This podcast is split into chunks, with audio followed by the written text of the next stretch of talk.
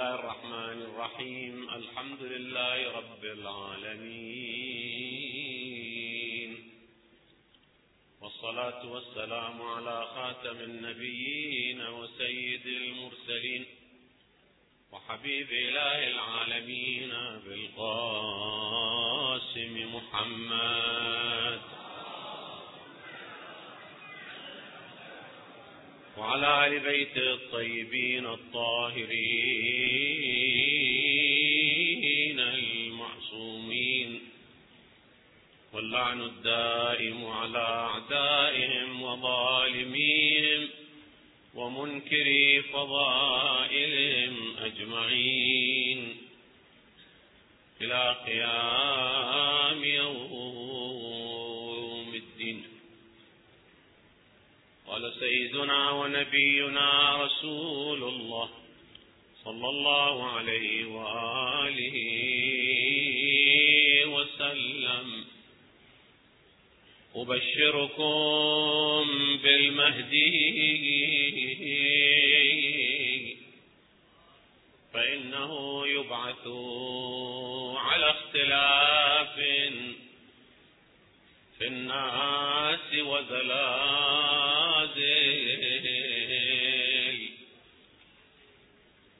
فيملأ الله به الأرض قسطا وعدلا كما ملئت ظلما وجورا.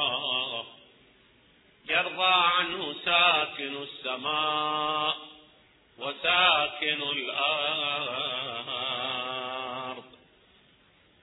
يملأ الله به قلوب أمة محمد صلى الله عليه وآله غنى ويسعهم عدله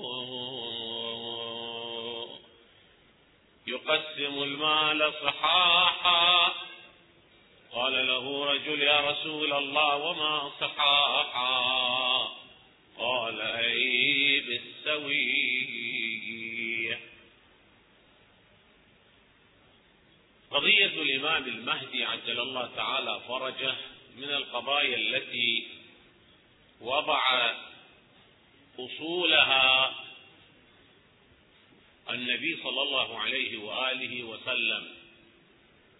وليس كما يقول المتخرصون الذين لا يؤمنون بأحاديث الرسول ولا بالمأثورات الإسلامية مثل أحمد أمين المصري في ضحى الإسلام مثل عبد الحسيب طه حماده في أدب الشيعة ومثل ابن خلدون. وأمثال هؤلاء الذين أنكروا الإمام المهدي وقالوا إن قضية الإمام المهدي قضية سياسية حركة سياسية لأن الشيعة أخفقوا أيام الإمام علي عليه السلام ثم بعد قتل أبي عبد الله الحسين سلام الله عليه ولم يستلموا الحكم. ولذلك خاف علماؤهم من تفرق شملهم وتشتت جماعتهم فأرادوا أن يعطوهم الأمل والرجاء في المستقبل فخلقوا لهم فكرة الإمام المهدي وأنه في آخر الزمان سيبعث الله تعالى أحد أئمة أهل البيت يستلم الحكم ويكون الأمر بيد أهل البيت وأتباعهم ويقيم الحق والعدل إلى آخر ذلك. بينما نحن إذا رجعنا إلى الأحاديث التي رويت عند علماء السنة والشيعة. طبعا علماء السنة بقسميهم التيميين أو الوهابيين أو السلفيين وجماعة الصحابة أو جماعة الخلفاء السنة المعروفين. بالإضافة إلى أتباع أهل البيت نرى مئات الأحاديث في حق الإمام المهدي المنتظر عجل الله تعالى فرجه إلى درجة أن آية الله الشيخ لطف الله الصافي حفظه الله من مراجع الشيعة في مدينة قوم المقدسة. عنده كتاب منتخب الأثر في الإمام المهدي المنتظر. يذكر فيه الأحاديث الواردة في الإمام المنتظر من السنة والشيعة ستة آلاف ومئتين وسبعة وسبعين حديث. ماكو عندنا إحنا قضية إسلامية إلى هالدرجة وردت فيها أحاديث. إذا قضية الإمام المهدي المنتظر من القضايا المتواترة والمسلم بها. إلا عند هؤلاء العلمانيين الذين لا يؤمنون بالحديث بل لا يؤمنون حتى بالقرآن. لأن القرآن الكريم يقول ما آتاكم الرسول فخذوه وما نهاكم عنه فانتهوا. فإن تنازعتم في شيء فردوه إلى الله وإلى الرسول. يعني إلى كتاب الله وإلى سنة النبي. وهؤلاء من عند أنفسهم يكتبون وليسوا متخصصين بعلم الحديث والآثار الإسلامية. زين.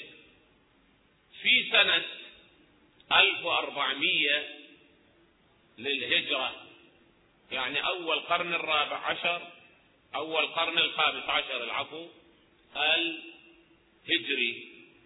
سنة 1400 قد يتذكر البعض من الإخوة اللي كانوا ذاك الوقت حركة صارت في مكة المكرمة. رجل باسم محمد ابن عبد الله العتيبي ادعى المهدوية ادعى أنه المهدي لأن هم الجماعة يقولون أنه اسمه اسمي واسم أبي اسم أبي. ماخذين على هالرواية غير الصحيحة.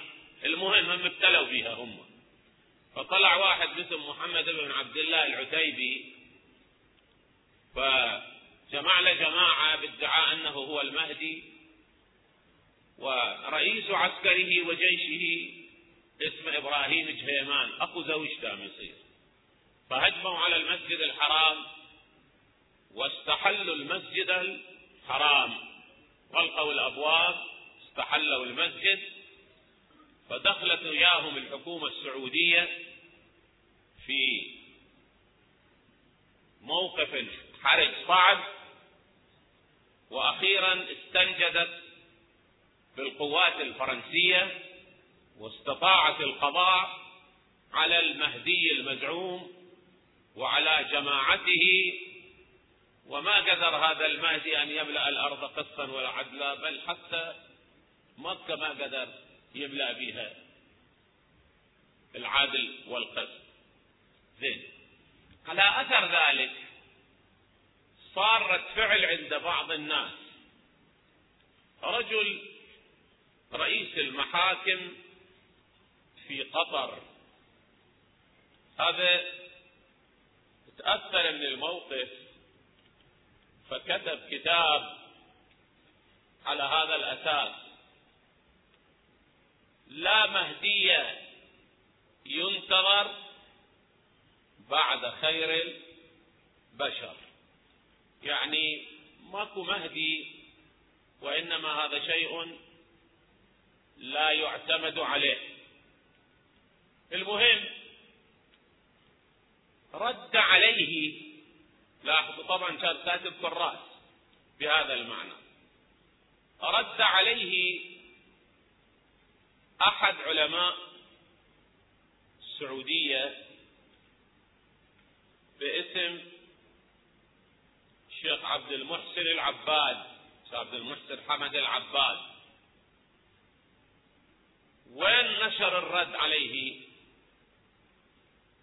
مجلة الجامعة الإسلامية في العددين 45 و 46 من السنة الثانية عشرة من المجلة. سنة 1400 بعنوان الرد على من كذب بالأحاديث الصحيحة. أحاديث الصحيحة. الواردة في المهدي من جملة الرد في آخر الرد يقول وإيضاحا للحق ودفعا للباطل أقول. هذا قول هذا العالم السعودي. إن علماء أهل السنة المعتد بهم في القديم والحديث مصدقون بالأحاديث الثابتة عن الرسول على خروج المهدي في آخر الزمان ولا ينكرها إلا شاذ عنهم. ويقول إن بعض الكتاب في هذا العصر أقدم على الطعن في الأحاديث الواردة في الإمام المهدي بغير علم بل بجهل. هذا ردا على رئيس المحاكم في قطر. أو بالتقليد. أو بالتقليد لأحد لم يكن من أهل العناية بالحديث. هذا يرد على هذا باعتبار دول المنكرين ما عندهم علم بالحديث أو يقلدون مثل أحمد أمين المصري وأمثال ذلك. الشيخ الألباني ناصر الدين الألباني من كبار علماء السلف علمائهم هذا في كتاب سلسلة الأحاديث الصحيحة جزء الرابع صفحة 43 يذكر سبب آخر لإنكار الإمام المهدي. أرجو التوجه. يقول إن عقيدة المهدي قد استغلت عبر التاريخ الإسلامي استغلالا سيئا. فادعاها كثير من المغرضين أو المهبولين وجرت من جراء ذلك فتن عظيمة. كان من آخرها فتنة جهيمان السعودي في الحرم المكي. لأن صدق باكستان ادعى واحد المهدوية تركيا ادعى قبل مدة في السودان ادعى واحد بالسعودية ادعى واحد وهكذا. عبر التاريخ ادعاءات كثيرة أنه فلان مهدي. يقول فرأوا أحسن شيء فرأوا أن قطع دابر هذه الفتن إنما يكون بإنكار هذه العقيدة الصحيحة. أحسن كل شيء أن نقول ما أكو لا مهدي ولا هالأحاديث صحيحة مفكونا زين. بعدين يجيب مثال لطيف الألباني. يقول وما مثل هؤلاء المنكرين جميعا عندي. إلا كما لو أنكر رجل ألوهية الله عز وجل. يقول ماكو الله. ماكو إله. ماكو رب العالمين. ليش يا أبا بدعوى أنه ادعاها بعض الفراعنة. فرعون قال أنا ربكم الأعلى. لئن اتخذت إلها غيري يقول لموسى لا يجعلنك من المسجونين. نمرود ادعى فلان ادعى ما دام هالشكل بنقول أصلا ماكو الله. بما إلا. نخلص. عجيب.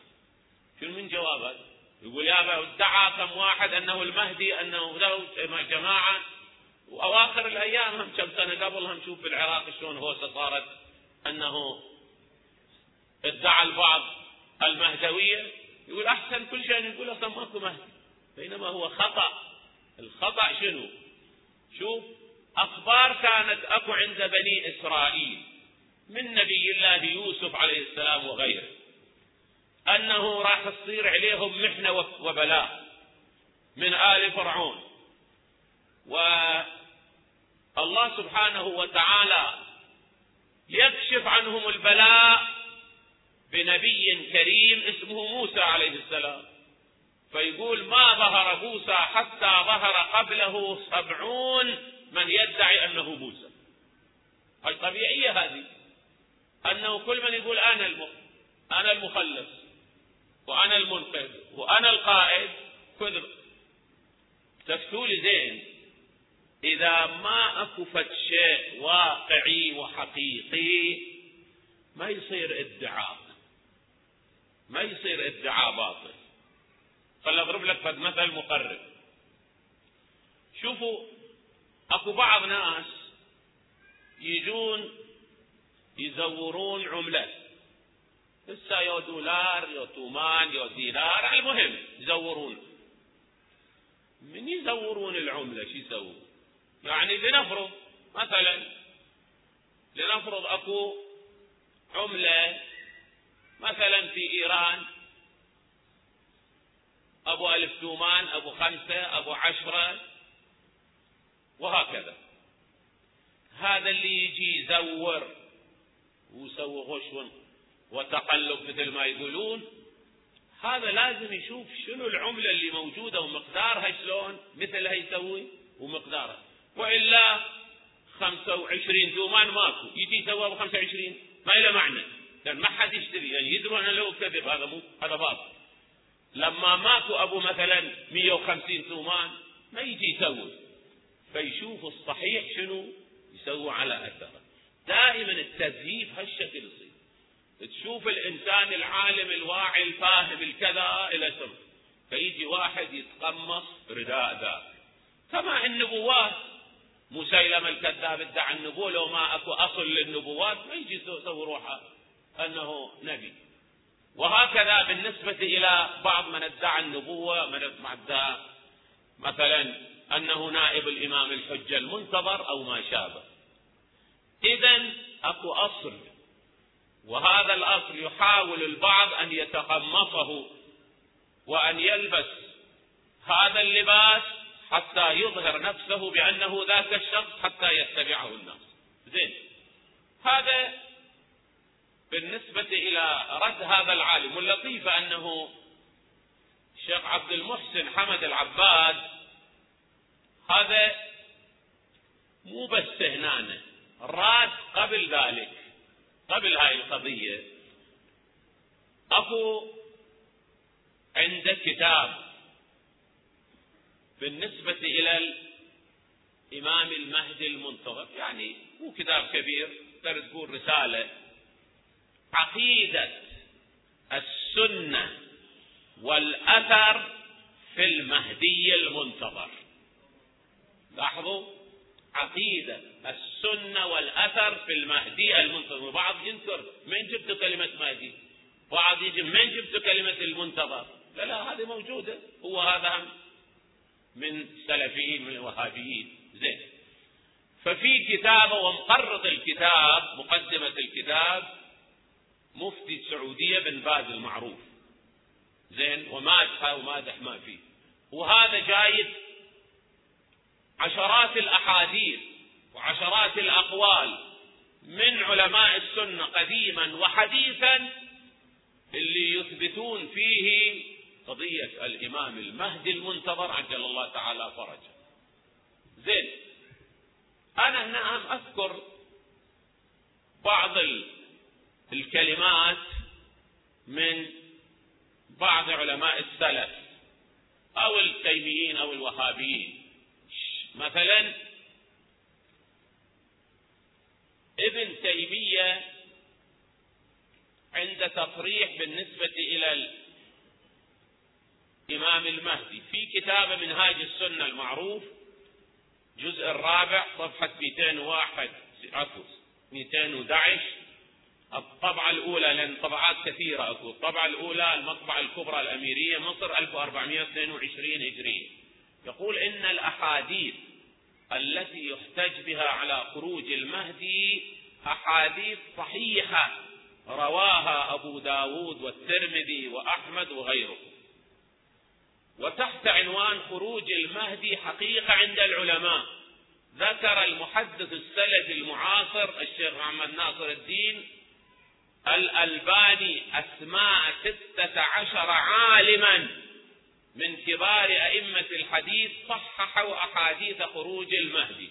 شوف كتاب سلسلة الأحاديث الصحيحة جزء الرابع صفحة 38 حديث 1529 الطبعة الأولى دار السلفية الكويت. زين. هذه مجموعة تصريحات وإذا إجينا إلى تصريحات أخرى من هؤلاء القوم اللي هم أبعد الناس عن التشيع وعن الشيعة؟ ما متهمين بشيء. بأنه أخبار الشيعة عقول الشيعة علماء الشيعة مأثرين فيهم. لا لا مو هيك القضية شوفوا نشرت مجلة البحوث الصاد الإسلامية صادرة عن رئاسة إدارة البحوث العلمية والإفتاء الأمانة العامة لهيئة كبار العلماء في المملكة السعودية.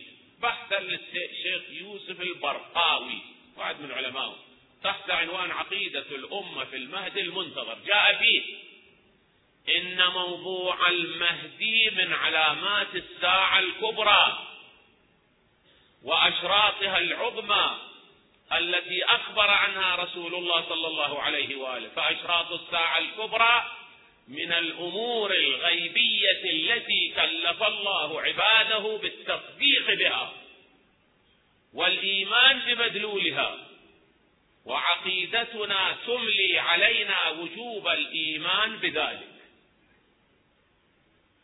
ثم نقل عن السفاريني الحنبلي قولا من أشراط الساعة التي وردت فيها الأخبار وتواترت في مضمونها الآثار من العلامات العظمى وهي توجه لزين أولها الإمام المهدي المقتدى بأقواله وأفعاله. الخاتم للأئمة فلا إمام بعده كما أن النبي صلى الله عليه وآله هو الخاتم للنبوة والرسالة فلا نبي ولا رسول بعد وين يجي عبد الحسين طه حميدة وكلام السخيف أو أحمد أمين المصري اللي ينكروا؟ هذا علماء السنة علماء الحنابلة. السلفيين قاعد يوثقون الأحاديث هذه. أتذكر كنت أيام ولادة الإمام المهدي هالسنة في الكويت. جريدة الوطن الكويتية طبعا عندي نسخة منها جابوا لي نسخة كان عندي مجلس. فعلى أثر كلمة مقالة كان كاتبها سماحة السيد محمد باقر المهري عن الإمام المهدي وأنه متفق عليه بين السنة والشيعة وإلى آخره. فواحد متطفل أنا أتعجب من ذولا إذا واحد تخصص ما عنده بالحديث أو ما عنده بالتاريخ إنسان صحفي. أنت ليش تورط نفسك تكتب الشيء اللي ما تعرفه؟ الشيء الذي مو شغلك ليش تجي تكتب فكان راد على السيد المهري على أنه لا يختلف مهدينا عن مهديكم. شلون يا ابن مثلا مهديكم اسمه محمد بن الحسن العسكري مهدينا اسمه محمد بن عبد الله. مهديكم ما أدري بالسر يخرج من السرداب مهدينا يخرج من المشرق. مهدينا يحكم بكتاب الله وسنة نبيه ومهديكم يحكم بحكم آل داود. أكو بعض الروايات لها توجيه طبعا. من جملة الأشياء طبعا أنا عدة مجالس عدة ليالي رديت عليهم على هذا القائل رد علمي. ومن جملة الأشياء اللي كان ذاكرها كان يقول أن المنكر للمهدي عندنا. ليس بكافر. ولكن المنكر للمهدي عندكم هو كافر. هذا ما عنده اطلاع حتى على أقوال علمائهم شوفوا هنا في الرد عليه. أكو كتاب فتاوى نور على الدرب لعبد العزيز بن باز. إعداد الدكتور عبد الله بن محمد الطيار ومحمد بن موسى بن عبد الله الموسى جزء واحد صفحة 355 و 56 سؤال وجواب. شو سئلون من ابن باز؟ سؤال. يوجد لدينا رجل ينكر المسيح الدجال والمهدي ونزول عيسى ويأجوج ومأجوج ما نشغل الساعة يأجوج ومأجوج ومسيح الدجال لكن بالنسبة إلى المهدي ولا يعتقد في شيء منها ويدعي عدم صحة ما ورد في ذلك من أحاديث. مع العلم بأنه لا يفقه شيئا في علم الحديث ولا في غير علم الحديث.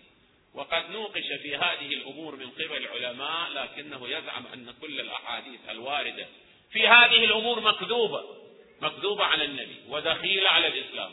وهو يصلي ويصوم ويأتي بالفرائض فما حكمه وفقكم الجواب اسمع زين مثل هذا الرجل يكون كافرا. يقول يصلي ويصوم. مثل هذا الرجل يكون كافرا والعياذ بالله. لأنه أنكر شيئا ثابتا عن رسول الله. فإذا كان بين له أهل العلم ووضحوا له ومع هذا أصر على تكذيبها وإنكارها فيكون كافرا. ليش؟ لأنه عقيدة متواترة عن النبي صلى الله عليه وآله وسلم وثابتة وصايرة من ضروريات الدين. فإذا واحد أنكر ضرورة من ضروريات الدين مرتد ينحسب ينكر الصلاة ينكر الصوم ينكر إلى إلى آخره. هذا يعتبر مرتد ولو يسوي بقية الأعمال لكن يعتبر مرتد. إنت شوف شوف الفتوى من عند يقول وإنكارها يكون كافر. الإمام الصادق سلام الله عليه يقول من أنكر القائم من ولدي في زمن غيبته مات ميتة جاهلية زين. وقال الصادق عن النبي صلى الله عليه وسلم طبعا الرواية الأولى هم عن النبي الإمام الصادق الرواية عن النبي. الرواية الثانية والحديث الثاني قال صلى الله عليه وسلم من أنكر القائم من ولدي فقد أنكرني. أنكرني أنكر الرسول. وفي كتاب فرائد السنطين للحموين الشافعي يذكر حديث عن النبي صلى الله عليه وآله وسلم من أنكر خروج المهدي فقد كفر بما أنزل على محمد صلى الله عليه وسلم.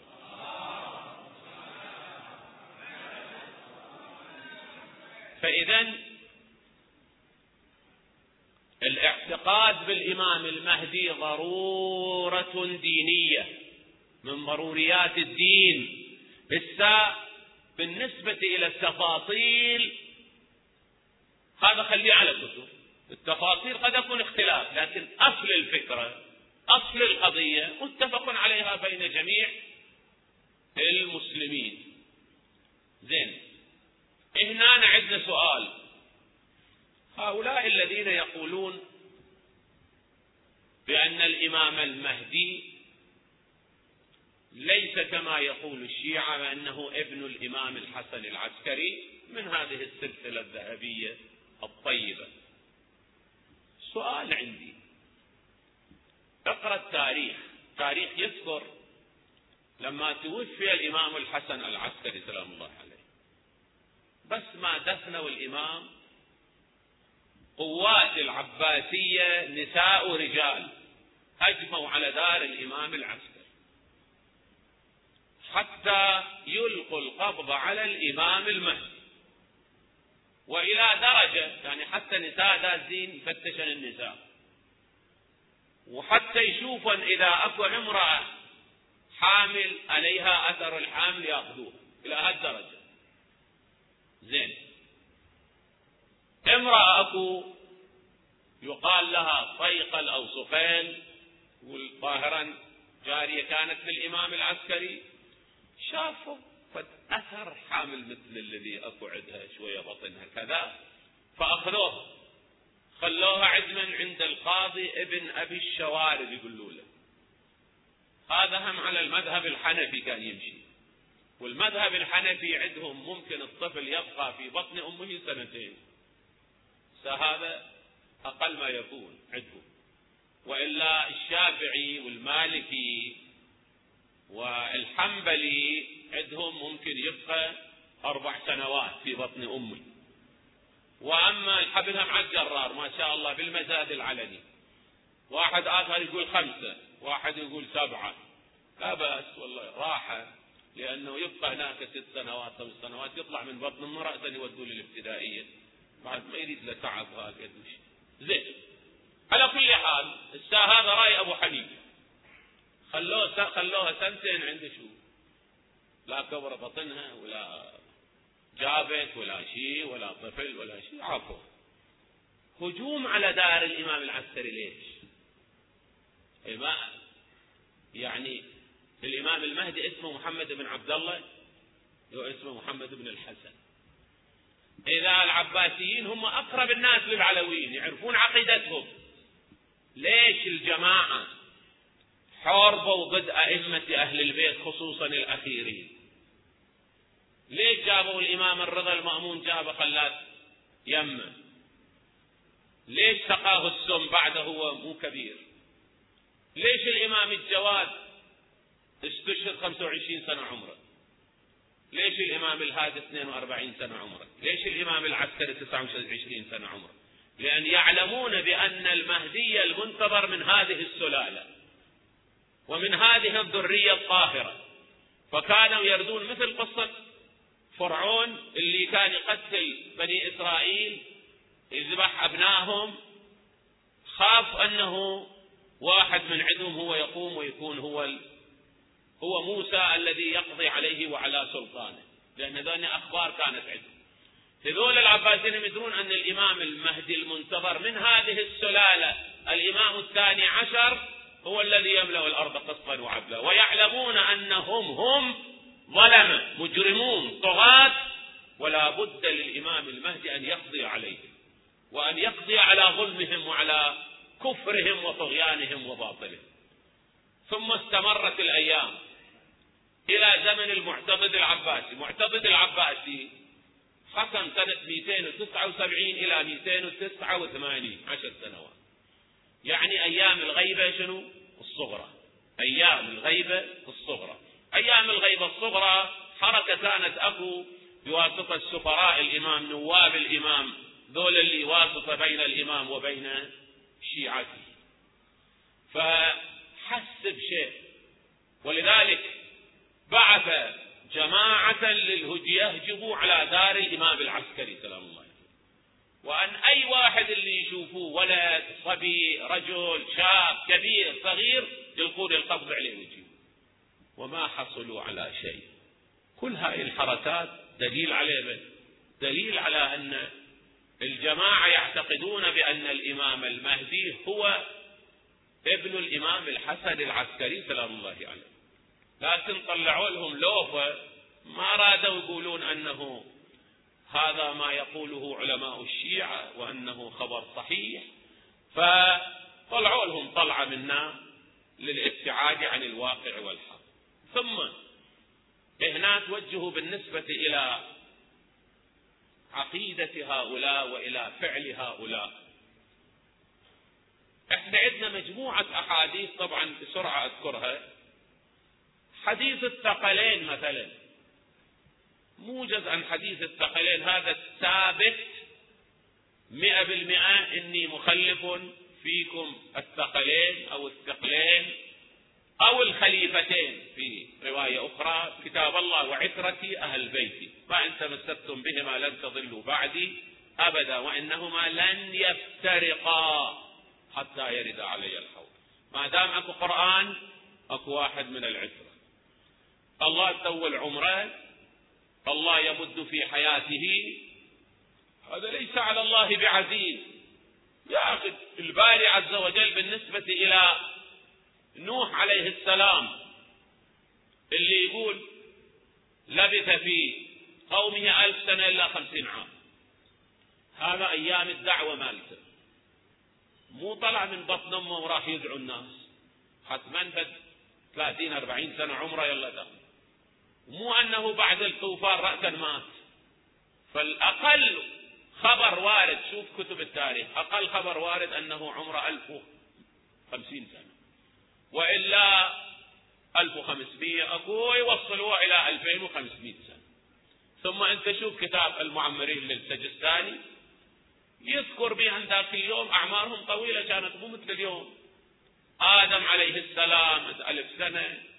فلان شيء بادر 900 فلان 600 فلان 500 وهكذا. هسه إحنا خلي عنك التاريخ. تعال بالنسبة إلى ما يقوله القرآن الكريم. فلولا أنه كان من المسبحين للبث في بطنه إلى يوم يبعثون. بالنسبة إلى يونس. يونس التقمه الحوت. زين؟ لما التقمه الحوت فبقي في بطن الحوت فمو ميت. لو ميت في بطن الأرض هم يبقى ملايين السنين. شو الفائدة. لا لا فلبث في لا فلولا أنه كان من المسبحين. يسبح الله تعالى. والله تعالى قبل توبته وقبل تراجعه لأنه وذنون نون يعني الحوت سمكة نون يسموه نون فارسي. وذنون إذ ذهب مغاضبا فظن أنه لم نقدر عليه نقدر مو نقدر عليه. مو ما نقدر عليه. لا يعني من قدر قدر قدر عليه رزقه يعني ما يضيق عليه. قال لو طلع من الساحة. فنادى في الظلمات أن لا إله إلا أنت سبحانك إني كنت من الظالمين. فاستجبنا له ونجيناه من الغم. زين.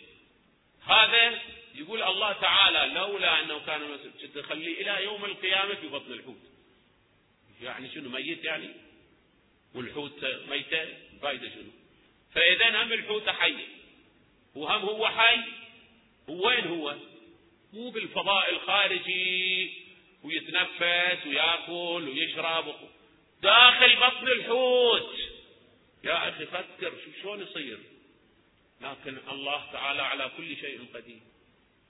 ليس على الله بعزيز. أصحاب الكهف.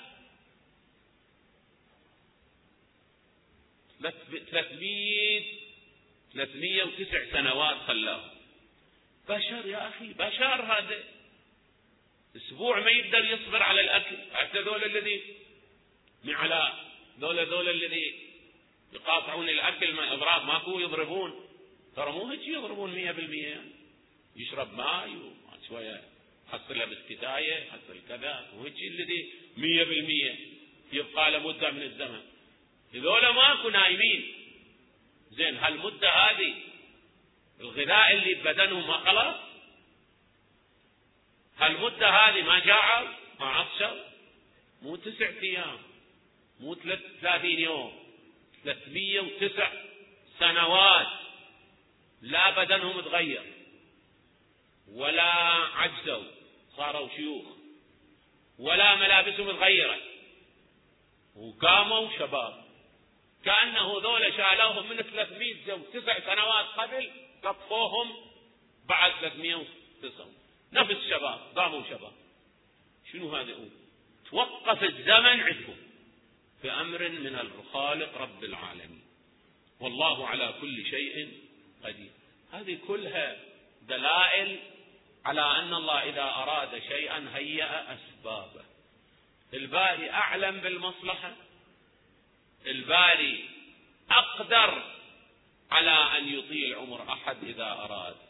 فالخبر مو المسلمين كلهم يعتقدون أنه آلاف السنين إلى حي يرزق. كلهم يؤمنون به. حي يرزق. إدريس رفع إلى السماء. ما عندنا خبر أنه مات. عيسى عليه السلام رفع إلى السماء. ما عندنا خبر أنه توفي وإنما يأتي إذا ظهر الإمام الحجة المنتظر ويصلي خلف الإمام المنتظر ويساعده على قتل الدجال. وبعد الأمة المسيح حماد يصيرون مسلمين إذا شافوا نبيهم وإمامهم هذا اتبع الإمام الحجة المنتظر. روح لا تروح بعيد. تعال إلى أعداء أعدائنا وأعداء الله إبليس عليه اللعنة والشيطان. هذا لما طلب من الله سبحانه وتعالى قال رب أنظرني إلى يوم يبعثون. أنظرني يعني أمهلني. إلى يوم يبعثون. قال لا هو الحد بعد إنك من المنظرين إلى يوم الوقت المعلوم. يعني إلى آخر الزمان. بعد نلحق على البشر. خلطوا البشر بعد. نشلب لهم حالة من برزخ تريد تلحق عليهم. زين. فإذا الكل يعتقد بالقرآن. كم كم سنة؟ من أيام آدم إلى آخر الدنيا.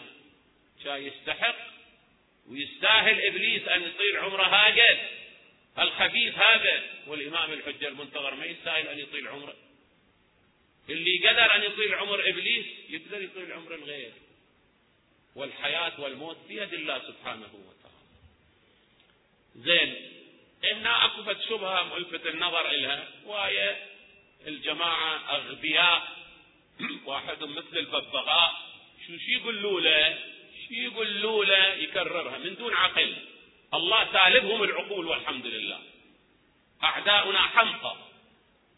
شو شي يقولوا له يقول.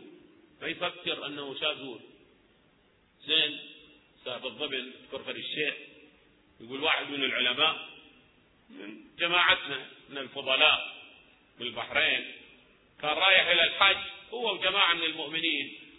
ولا قاعد يتعبدون في المسجد الحرام يصلون صلاة الليل ويصلون صلاة الصبح ويتعقبون يعقبون إلى أن تطلع الشمس وشفت شاب يقول هذول السلفيين قال أنت شنو؟ قالوا إحنا شيعة قال مع الأسف قلت له ليش تأسف على شنو؟ قال مع الأسف شيعا قلت له ليش؟ وليش تتأسف؟ شنو شايف؟ قال يقولون عندكم قرآن غير قرآننا قلت له بسم الله. هو أنا شايل القرآن. هو يقول أنا شايل القرآن دائما. أقرأ تفضل هذا قرآن أنا ما متفق وياك حتى ما حاجة تصير بيني وبينك حتى أحضر لي قرآن آخر. هذا القرآن. تفضل. شوفه مطبوع دمشق هذا قرآن المسلمين كله. وتجيب لي فرد قرآن من ما تريد. في إيران في أماكن أخرى مطبوع. وبي زيادة أو نقص. اقرأ شوف. قال زين. يقولون أنكم يا أيام الحج شو من أقول لك ذولا دماغسزية يقول قال لي يقولون أنه أنتم ما تحجون قلت له إحنا هالأيام شكو هنا؟ في مكة شكو. عرس أكو زفه أكو حفله أكو شنو أكو؟ قال أيام الحج. قلت له إحنا جايين شنو؟ مو أيام الحج؟ كان جايين شو تسوي هنا؟ قال لا يقولون أنتم ما تحجون لكن بس تزورون. زورون عتبات نحن من حج من زور النبي من زور شوف إيش قد ذولا أغبياء. شنو من مخ براسهم؟ شو يقولون لهم يسوون يقول أنتم ما تحجون هو إحنا أيام الحج جايين. إحنا تشوف أنت كل الجاليات اللي تروح للحج حتى اللي أكثر من عندنا. شوف أكو جاليات ترى أكو بعض الدول الإسلامية 200 مليون نفر وهنا 70 مليون. لكن عدد اللي أكثر من الدول الإسلامية الأخرى. غير العمرة. على طول السنة عمرة عندهم. نعم إحنا هم نعتمر هم نحج وهم نزور الأئمة عليهم السلام. كل هذه الأعمال. فإذا أرجع إلى الشيء اللي أريد أقوله. يقول يقولون أنتم تعتقدون أن إمامكم بالسرداب. وين أما سرداب سامر. هذه أنا أرجو من الإخوة أن شوي يتورعون في كلمة سرداب الغيبة ما عندنا سرداب الغيبة إحنا. لا تخلوا خلقونا مشكلة. سرداب سامر أقول سرداب الغيبة مين تجيب لي؟ تجيب لي. أي عالم من علمائنا أن يجيب خبر أو رواية أو رأي أو قول أو شيء من يقول الإمام غاب في السر. نعم هجموا عليه. غاب عن عيونه. كان بالحوش ما شافوه. طلع من الباب طلع من السطح. ما ندري. ويقولون بات بالسرداب وسيظهر من السرداب هذا الثلاثي. ما يكون ثلاثي المريح هذا ثلاثي. زين. أريد أسأل سؤال.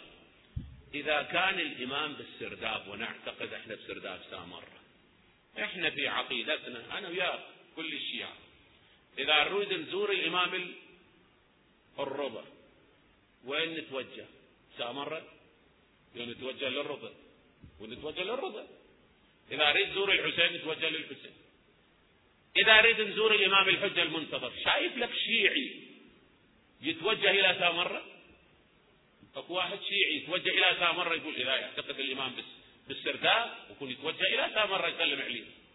كل إحنا نتوجه إلى القبلة لأننا نعتقد بأن الإمام يظهر في مكة ويبايع بين الركن والمقام. ويلقي خطبته الأولى العالمية. وحتما هذه الفضائية مالت مكة هم تنفع هنا. لأنه يتكلم هناك والعالم كله يسمع صوت المهدي المنتظر.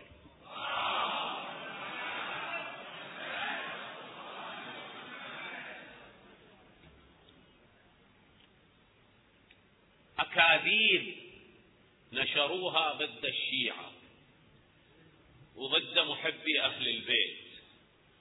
ومع الأسف الشديد أن بعض هؤلاء يعني أنت شوف الأمة اللي بيها أغبياء الجماعة اللي بيها أغبياء بيها شياطين.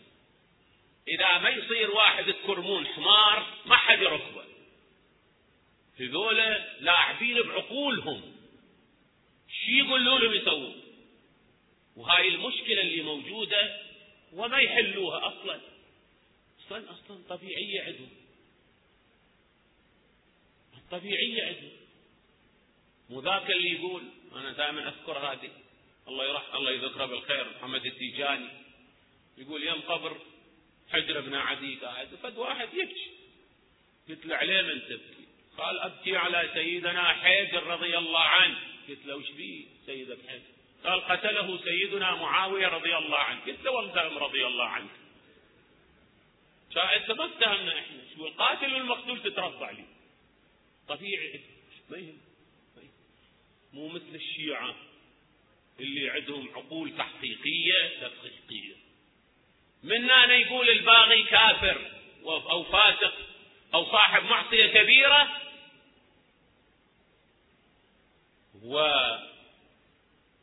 والذي يخرج على إمام زمانه باغي والباغي مصروع وأن الذي يسل سيفه في وجه علي محب هذا هذا يصير محب يعني يسل سيفه في وجه علي ويريد قتل يقتل أصحابه. لا يحبك يا علي لا يحبك إلا مؤمن ولا يبغضك إلا منافق. زين؟ طلعوا بعض الصحابة الكرام ضد علي بن أبي طالب. دبروا قضيتهم بالعجل. العشرة المبشرة بالجنة. مين يا بهال هالكارت هذا من اعطتهم اياه؟ هالشهادة هذه من اعطتهم هم عندهم طبيب. باغي مجرم خارج على إمام زمانه عشرين ألف واحد سبب قتل عشرين ألف واحد. لا لا مبشرون بالجنة لعب هذا بالعقول. ما عندنا هيك إسلام ما عندنا هيك دين. هذا ما يقبله إلا الحمقى. ما يقبله إلا اللي ضعيف العقل. دين الإسلام. مذهب أهل البيت مذهب محمدي مو مذهب مرواني. مو مذهب كل ما معاوية بن أبي سفيان يخلي لهم من روايات وأحاديث كاذبة يتقبلوها. أكو أسس أكو علم أكو تحقيق أكو أصول لازم يتقبلوها. لازم نمشي على الهدى.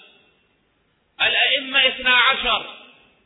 لا يزال أمر هذا الدين عزيزا أو لا يزال هذا الدين عزيزا حتى يمضي. عليكم اثنا عشر خليفة.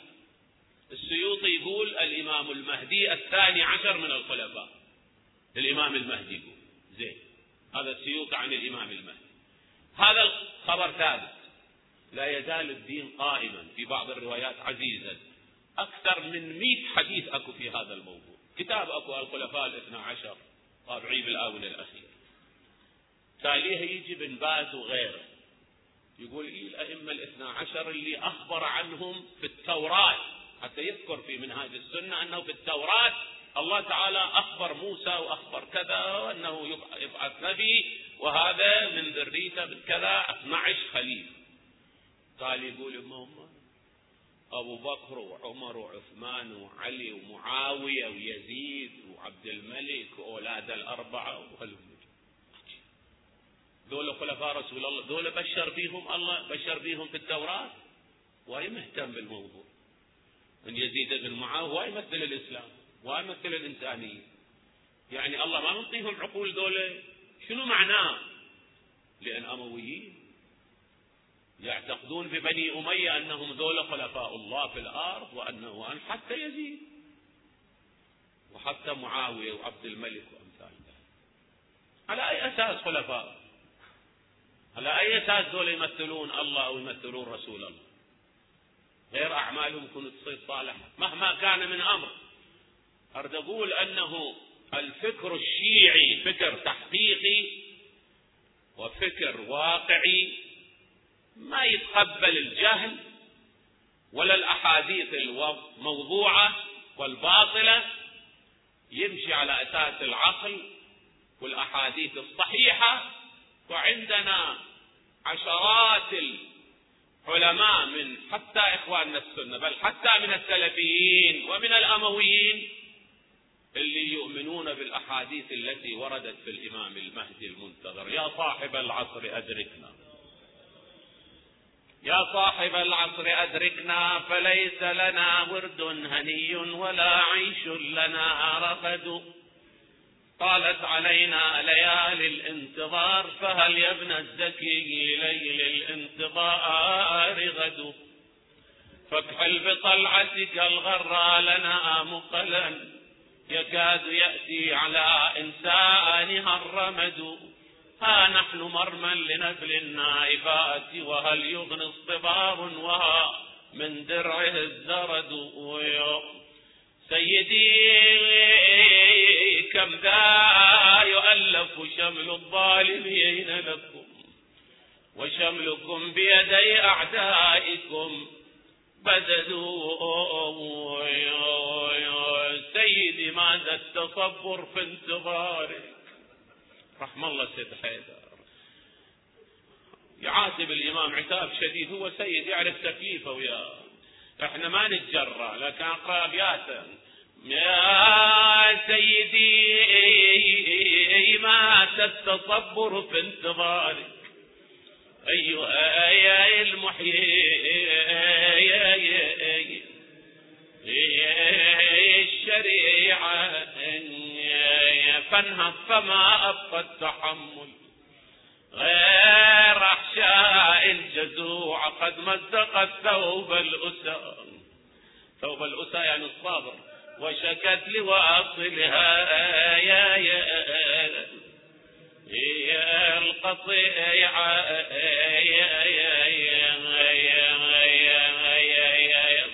قد تصبر سيدي ماذا يهيجك ماذا يهيجك ماذا يهيجك إن صبرت لوقعة الطف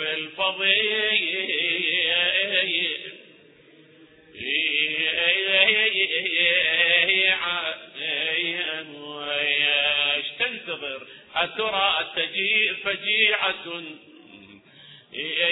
بأمضة من تلك الفجيعة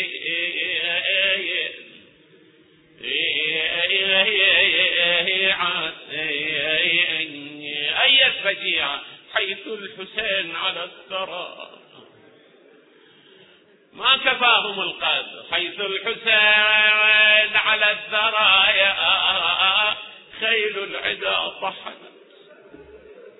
هو إيش بقى له جسم بعد؟ ممزق من السيوف مقطع الأشلاش ما له طحنة والجسد طحن. آه آه حيث الحسين على الثرى خيل العدا طحنت. ضلوع ضلوع قتلته آل أمية ضائم إلى جنب الشريعة مو بالفلاذ مو بالصحراء ماكو ماي. لا إلى جنب الشريعة بعد ورضيعه بدم الوريد مخضب فاطلب رضيع لا بس الزلم راح الشتل بالكون. هاي نقول عادة وأمهر بالشيهون لكن ليش ما ذنب الذي يرضعون عطاشة وحرملة بسايا يا يا غام يسجلها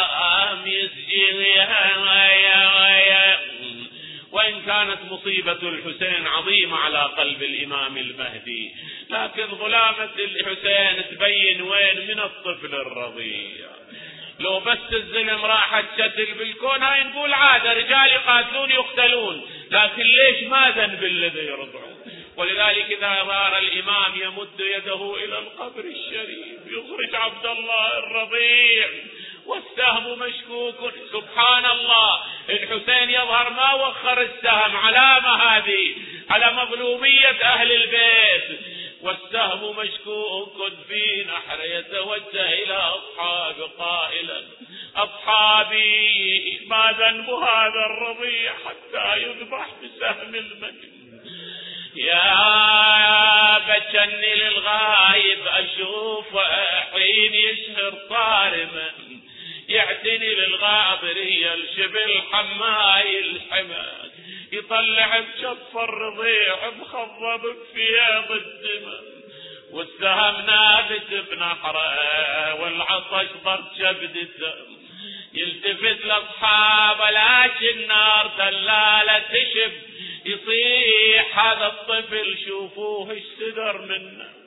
ذنيب حتى من الماي محروم وبالدم منخضب رأيت يشوف جد الغريب حاله ما يشوف بعد بعد مئات السنين الإمام ما يتحمل يشوف شكل هذا. كيف الحسين ينظر إلى ولده يرفرف على صدره كالطير المذبون.